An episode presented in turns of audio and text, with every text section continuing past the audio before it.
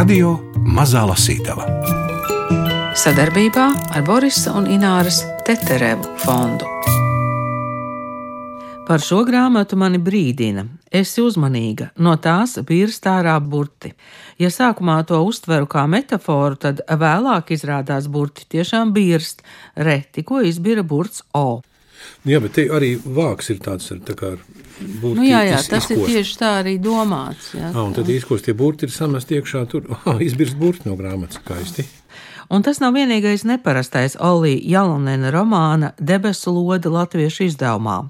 Pēc autora ieceres katras nodaļas sākums ir izcelts īpaši kā atsauce uz apgaismības laika grāmatniecības pieredzi. Piemēram, kāda nodaļa sākas tā.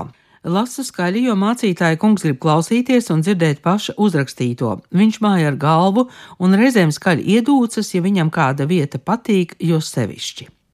Somu autors Olija Jalonēns ir Rīgā uz savas grāmatas atvēršanu, un kopā ar Maimu Grīnbergu ciemojas arī Latvijas radio studijā, lai somiski un latviski sarunātos par romānu Debesu lode, vispirms iezīmējot tā savdabīgo geogrāfiju un laiku.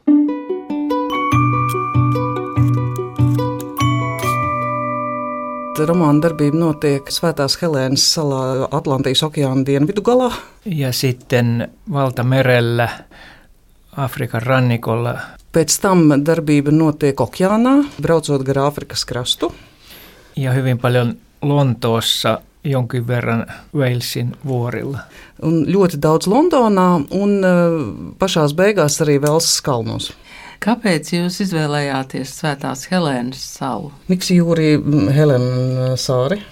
Koko tämä idea syntyi, kun itse matkustin kauan sitten St. Helenan saarelle. Šīs grāmatas ideja radās tad, kad es pirms ļoti daudziem gadiem pats ar pasta kuģi ceļoju uz Svētās Helēnas salu. Siihen aikaan postilaiva, kuninkaallinen postilaiva oli ainoa yhteys siihen pieneen saareen keskellä Atlanttia. Tolaik karaliskais pastakuģis bija vienīgais satiksmes veids ar šo tālo salu. Se, mitä näin ja koin siellä, oli niin, niin erilaista, että, että se kiehtoi hyvin paljon ja kirjoitin sitten. Tas, ko es tur pieredzēju, kā man tur gāja, tas man tā iespaidoja. Es vēlējos uzrakstīt romānu, un patiesībā ir 30 gadi pagājuši kopš tā laika, un esmu ļoti daudz ko, protams, arī noskaidrojis, lai šis romāns varētu tapt. Grāmatas galvenais varonis ir zēns Angus. Angus. Vienais, ang, tā kā Mikus. Mikus Angus. Angus. Cik viņam ir gadu sākumā? Hän on kuuden ja kahdeksan vuoden välissä siinä alussa. Pirmajā nodaļā ir starp 6 un 8 gadiem. Un sākumā viņš eh, skaita zvaigznes un putnus. Jo hän Angus saa, saa tehtävän luonnontieteilijä Edmund Häliltä Jā, jo Angus saņem uzdevumu no Edmonda Halēja, kurš ir arī tīri vēsturiski bijis šajā salā. Tutkia ja katsoa tarkkaan päivällä lintuja ja yöllä tähtiä ja tähtikuvioita pētīt un, un rūpīgi vērot dienā putnus un naktīs zvaigznes un zvaigznājus. Kad kopā ar autoru Oliju Jalonenu un tūkotāju Maimu Grīnbergu noskaidrots arī šis tas svarīgs par galveno varoni, Gundaram Āboliņam laiks lasīt debesu lodi. Ar mācītāju kunga uzrakstīto pamfletu mācos lasīt labi un tekoši. Labi ir pareizi, bet tekoši ir ātri. Lasu gan pie sevis, gan balsī, Tās ir divējas lasīšanas, un viena otru māca. Lasīšana ir redzēšana, bet tā ir arī dzirdēšana. Rakstīšana ir īsa zīmēšana. Burti ir atšķirīgi, kaut gan ir tie paši, lieli un mazi, un grāmatā citādi nekā vēstulē. Dažādiem cilvēkiem mazliet atšķirīgi atkarībā no tā, kā roka prot vai uzkrājies vecums. Vēstules rakstīšana ir zīmēšana, bet arī runāšana. Kurš iemācās lasīt, iemācās saklausīt bezskaņas runāšanu. Kurš māk rakstīt, spēj runāt tā, ka neko nepasaka skaļi. Trešā lasīšana ir tāda, ka prot visus veidus vienlaikus, un viscaur saprot, ko lasījis. Iemācīšanos mācītāja kungs pārbauda tādējādi, ka man nākamajā dienā bez lapām priekšā nāks izstāstīt, ko esmu lasījis iepriekšējā dienā. Ceturtā lasīšana ir tieši tas, ka galvā var no jauna izlasīt to, ko es lasījis. No tā ir liels labums tad, kad nākas stāstīt, kas ir kas un ko esmu iemācījies. Mācītāja kungs skatās un uzmana visu laiku.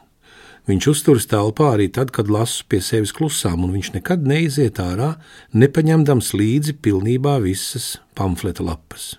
Reiz viņam tomēr tik strauji jādodas nokārtot vajadzības, ka viss skaistā rokrakstā pierakstītais desmitiem lapu žūksnis paliek uz galda. Katra loksne ir aprakstīta no abām pusēm, un turklāt tik pamatīgi, ka tukšajās vietās, kas cits pierakstīts klāt kaut vai slīpi vai šķērsnām, stateniski, ja citādi nav bijis vietas.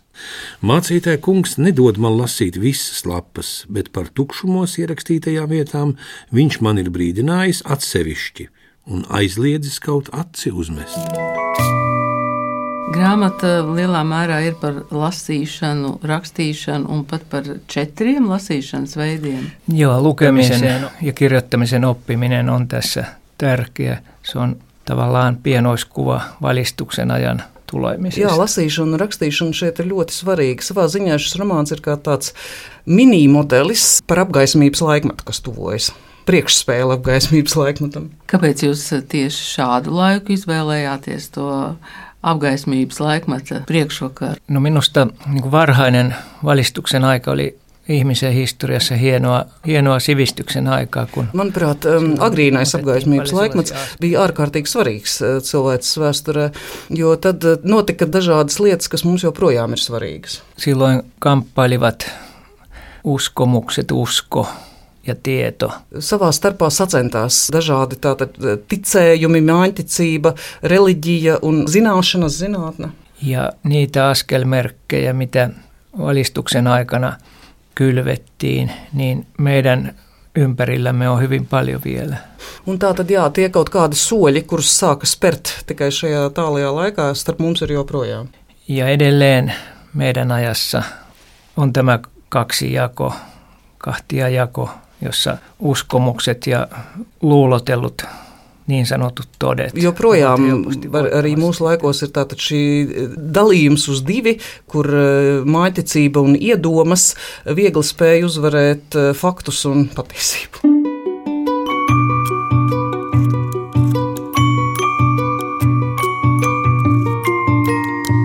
Radio Mazā Lasītava Iemācos ne tikai četrējādi lasīt, bet nejauši arī ceturto aprēķinu veidu. To iemācos pats, pārbīdot mazus akmentiņus un izmēģinot likt tos dažādā secībā. Halēja kungs man ir iemācījis saskaitīšanu un atņemšanu, jo šie aprēķini man visu laiku vajadzīgi atzīmētāju uzdevumā, un pirms aizbraukšanas no salas Halēja kungs man vēl iemācīja reizināšanu.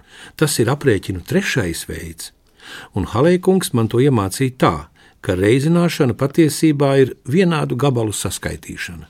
5 reizes 5 ir 5 plus 5 plus 5 plus 5 plus 5. Kas gan te varētu būt grūts? Vai tad matemātikai nevajadzētu būt visiem skaidrai jau kopš dzimšanas? Kā tev šķiet, Klārk, vai tā ir gatava mums domās, vai tikai kā sīkas sēkliņas zem domām? Tā, ka no tām vēl tikai izaug prasme un saprāšana. Turklāt vienīgi tad, ja augsne ir piemērota matemātiskām domām, un turpinot izteikties tēlaini, pietiek saules un ūdens. Ceturtais veids ir dalīšana, kas ir pretēji reizināšanai. Un tā kā reizināšana ir vienādu gabalu saskaitīšana, bet atņemšana ir pretēji saskaitīšanai, tad dalīšana ir vienādu gabalu atņemšana. Vispirms to iemācos lasot Bībelē par zivīm un maizi, par divu zivju un piecu maižu dalīšanas brīnumu, kā ar tām pietika visiem, bet vēl vairāk iemācos, kad pēc lasīšanas var apdomāt pats un ar puļķīti zīmēju smiltīs skaitļus. Izmantoju arī akmentiņus un iedomājos, ka akmeņi un cipari ir viens un tas pats. Iemācos astoņus sadalīt divos četrniekos, četros divniekos un astoņos vieniniekos. Ne ar vienu citu skaitli astoņi akmeņi vienādās daļās nedalās, bet ar šiem dalās. Un tā ir ar visiem skaitļiem. Tie ir cits citā pa gabaliem vai daļām. Citu pēc cita es tos iemācos līdz pat simtiem, lai gan tik lieliem skaitļiem ir briesmīgi daudz dalījumu un vajadzīgs desmitiem mazu akmentiņu kaudzīšu. Galīgi nezinu, kur šādu savādu prasmu varētu izmantot, taču vingrinādamies to uzturu. Joprojām arī eju lasīt pie mācītāja kunga. Viņš vairs neuzdod jautājumus, nedz arī liek atstāstīt, ko atceros no agrāk lasītā. Pēc tam, kad mācīja pamfleta grūtos lapušu žūkšņus, viņš mani uzslavēja, jo vairs nesot nekādu šaubu, ka es visu saprotot. Pamfletu lasīt mācītāja kungs man vairs nedod. Lai arī zinu, ka viņš to joprojām raksta, bet viņš stāsta, ka vēlas vispirms tikai uzmest savas domas un savākt neapgāžamus pierādījumus, lai nevienam nevar būt iebildumu vai atriebas iemesla. Man tomēr gribētos to izlasīt vēlreiz, un arī pārbaudīt, vai ir jauni saraksti par saliniekiem. Lai arī vairs nedabūju redzēt pamfleta lapas, reizēm mācītāja kungs tomēr runā par savām domām, vai pa starpu citām runām ieminas par to, ko prātojas iepriekšējā vakarā vai naktī. Reiz viņš piemin iespēju, ka jūrai nemaz nav dibena. Viņš stāsta, ka rīt agrumā pamodies no tā, ka noklaudzot atvērusies loga lūka. Viņš ir piecēlies, lai to aizvērtu, taču sastindzis uz vietas. Pagalmā ir stāvējusi balta, starojoša būtne, kas ar abām rokām vispirms norādījusi augšup uz zvaigžņoto debesi un pēc tam lejup uz jūru. Un no roku kustībām un klusajiem vārdiem mācītāja kungs ir sapratis, ka būtne ieradusies viņam pastāstīt, ka debesis ir divas. Augšā virs mūsu salas ir saredzamās kristāla debesis, taču dieva debesis ir visur, un vēl vairāk zem jūrām un salām, jo no turienes viņš mūs nes uz savām rokām. Tā mēs atrodamies starp divām debesīm, un jūra ir debesu starpviela. Tur uz debesu robežas mēs dzīvojam un mītam, un nekad nemanām, vai joprojām esam noenkurojušies ostā, vai jau lēnām burājam uz priekšu, vai arī burnieks tikai vieglītēm slīd uz priekšu un atpakaļ.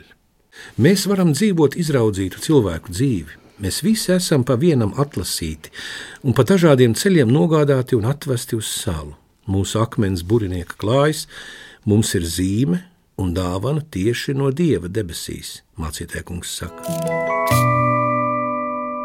No Sant Helena oli varmasti sellaista niin periferian periferiaa, hyvin syrjäinen kulma. Svētās Helēnas sala bija tāda kā perifērijas perifērija, ļoti, ļoti attāls nostūris. Siellä kuitenkin oli englantilainen asutus vai muutamia vuosikymmeniä oli ollut yleensä pysyvää asutusta. Tad, kad tur dzīvo angus, patiesībā iedzīvotāji angļu iedzīvotāji tur, tur ir bijuši tikai kādus pārdesmit gadus, tur pirms tam viņi nav dzīvojuši. Siellä oli, silti siellä oli, oli sellaisen englantilaisen yhteiskunnan peruspiirteet. Siellä oli seurakunta, siellä oli kuvernööri. Tomēr tur bija tādas angļu sabiedrības pamatiezīmes. Tur bija draudze, tur bija gubernators. Luokkaerot olivat isot ja Anguksella oli vielä, vielä sellainen, että hän oli, hänen isänsä oli kuollut. Että hän oli silläkin lailla vielä, vielä siellä perifērisemmässä asemassa. Tātad milzīgas šķiru atšķirības un uh, anglu vēl tādā perifērākā lomā nostat tas, ka viņa, viņa tēvs ir miris. Ja oli, ei ollut ollenkaan itsestään selvää, että hän olisi ikinä saanut oppia lukemaan. Un absolūti nebija pašsaprotamība, ka viņš jau kad būtu varējis iemācīties lasīt. Mutta hänellä oli, oli jotenkin luonnostaan suuri halu oppia ja nähdä uutta. Ja Edmund Hallin kautta hän näki näki tavallaan ikkunan johonkin muuhun. Taču viņam bija liela vēlme, nu tā droši vien iedzimta vai no dabas radusies vēlme mācīties, apgūt kaut ko jaunu, un tas eh, Edmunds Halējs viņam tā kā pavēra logu ārpus tā, kas notiek salā. Kas ir Halējs? Nu, Šī gadījumā. Elīsijas testapauksessa.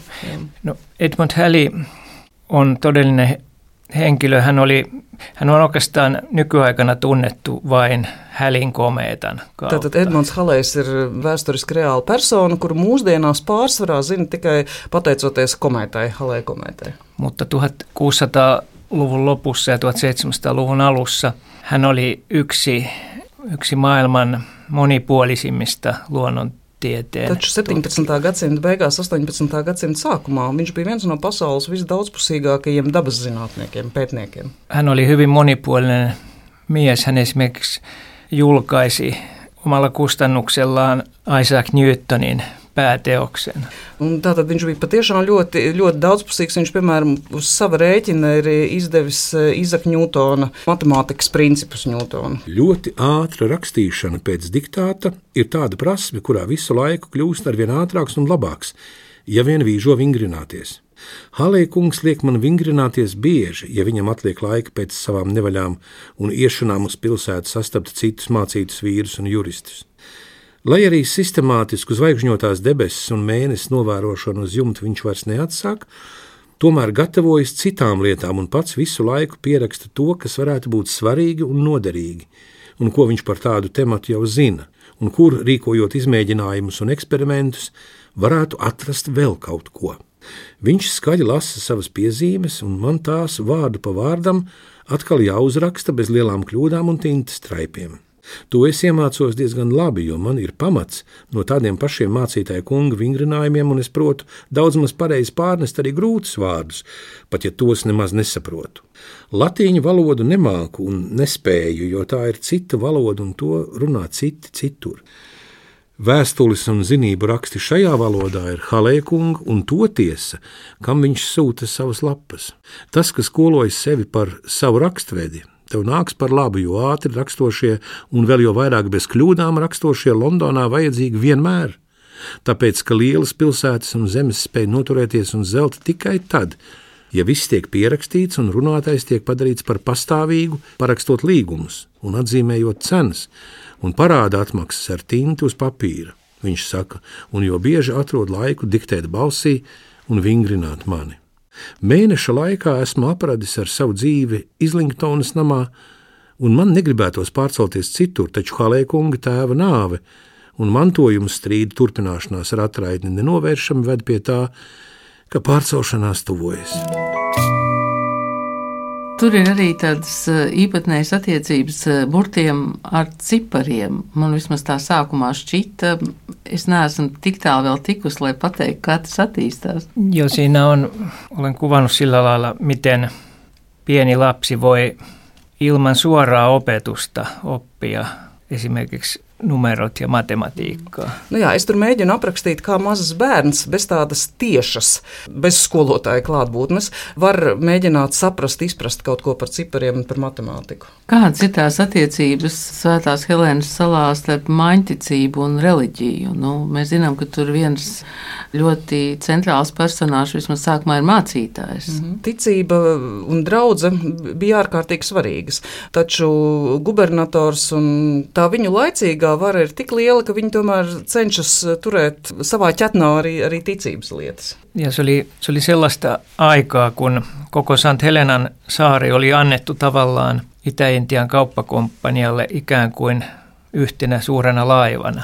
Un eh, tas bija tāds laiks, kad visa sala bija atdota šai Austrumindijas kompānijai. Tā kā viens liels kuģis, gandrīz vai izīrēts, tā varētu teikt.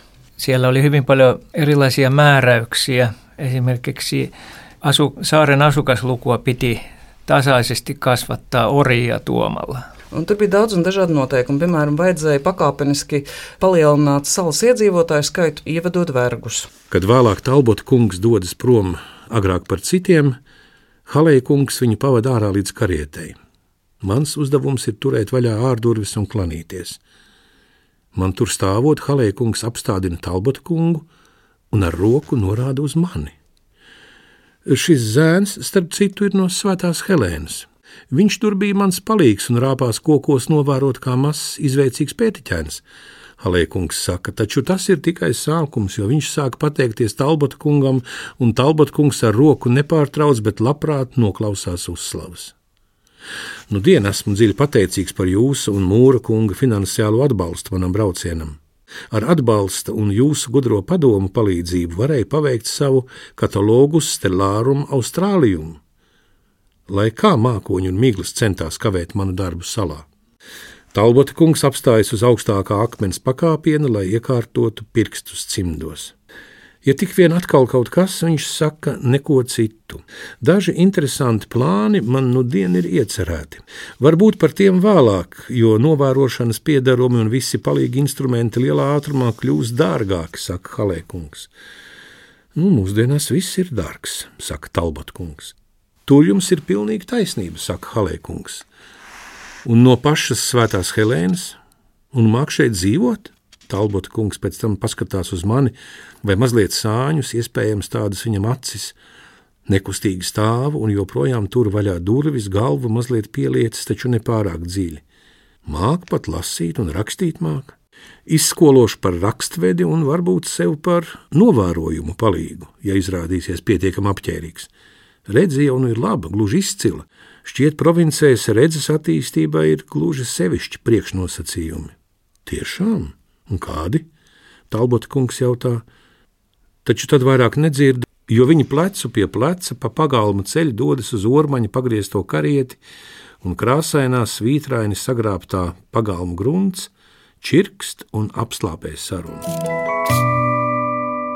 Debesu lodes autors Somu rakstnieks Olī Jalonens ir diezgan skops runātājs, bet viņa grāmatā ierakstīti un uzburti seni priekšstati par pasauli debesīm, par lasīšanu un reiķināšanu, par laiku, kad tuvojas apgaismības laikmets. Olī Jalonena debesu lodi izdevusi valodu māja. No somu valodas tulkojas un mūsu sarunā kopā ar autoru piedalījās Maima Grīnberga. Sakiet, kā jūs pats nonācāt Svētās Helēnas salā, kāpēc? Nu jā, kā mēs zinām, ar kuģi. Zis... Jā, jā, bet kāpēc? Olin kirjoittamassa aivan toista kirjaa. Yritin tai hain, hain maailmasta paikkaa, mikä olisi mahdollisimman eristynyt ja, ja jonne olisi kuitenkin mahdollista jollain konstilla päästä. Ja sitten... Es rakstīju pavisam citu grāmatu un meklēju pasaulē tādu vietu, kur es varētu ļoti būt izolēts. Mutta jo sillä laivamatkalla törmäsin Edmund Hallin nimeen ensin ja tajusin, että hän oli ollut siellä noin 20-vuotiaana puolitoista vuotta ja tutkinut, kartoittanut koko eteläisen taiva, tähtitaivaan. Taču jau, jau tajā braucienā kuģī es man iznāca saskarties ar Edmundu Halē vārdu. Es uzzināju, ka viņš ir bijis 20 gadu vecumā Svētās Helēnas salā pusotru gadu. Kartējis tātad veidojas zvaigžņu kartes. Olin suuri elämys olla siellä saarella ja aloin siellä jo kerätä tähän aivan toiseen kirjoitusprojektiin sitten aineistoa, että löysin jopa Edmund Hallin observatorion rauniot sieltä 1600-luvun lopulta. Man tas viss sāk ārkārtīgi interesēt, un, un es sāku tātad, lai gan es it kā tātad rakstīju to citu grāmatu, es tomēr sāku jau šai grāmatai meklēt dažādas materiālus. Es, piemēram, aizgāju līdz tām observatorijas drupām, Halēja observatorijas drupām. Jā, un tā radās šī grāmata. Debesu lode, vai tas nosaukums ir kaut kāda atsauce uz priekšstatiem par pasauli? Se on oikeasti, se on suomeksi ihan, ihan myös myös tähtitieteellinen nimitys siitä Kaaravasta maailmasta, mikä näkyy. Jā, tātad um, Oli atbildēja, ka tas ir somiski arī pilnīgi oficiāls apzīmējums tam, ko mēs redzam. Un es varu piebilst, ka es savukārt, kā arī es neizdomāju šo nosaukumu, ir brīnišķīgs pētījums par to, kāda ir bijušā, nu, pēc tiem drukātajiem avotiem, kas, kas ir viņa rīcībā bijuši, kā ir sauktas latviešu valodā. Vis visādi astronomijas termini. Tā kā lasīju to, no turienes ņēmu, neko neizdomāju. Man ir jautājums Maimai tagad par tulkošanu, kurās jomās nācās iedziļināties iesaistīties. Es saprotu, ka astronomijā, es saprotu, ka putnu dzīvē mazliet, jā. Nē, nu pārbaudīt, protams, vajadzēja. Pārbaudīt, protams, vajadzēja gan putnus, jo vienam putnam es nepaņēmu to oficiālo nosaukumu, kas ir uh, latviešu. Es iztulkoju no somu valodas, un savukārt Olība bija iztulkojusi no angļu valodas. Mm. Līdz ar to, jo viņam vienkārši ir tik, tik, ra, tik rakstīts. Tas ar tām garajām kājām. Es vairs neatceros, kā es viņu tur nosaucu. Tas nav oficiāls nosaukums, tas ir aprakstošs. Skatījos ļoti, var sameklēt, ir, ir Halēja žurnāls, ir, ir tāda halēja biedrība, kas publicē viņa žurnālu internetā, ko var palasīties. Un diezgan daudz ir. Arī bildes var atrast gan ar Google mapu, gan visur citur var atrast fotogrāfijas, kā tas izskatās. Viss. Nebija sajūta, ka vajadzētu aizbraukt uz Svētās Helēnas salu. Šī ir eh, jau otrā grāmata, kuras sastopos Svētās Helēnas salu, no iepriekšējā bija Olīga grāmata. Četr, 14 mēsga līdz Griničai. Tur arī diezgan liela daļa notiek eh, Svētās Helēnas salā.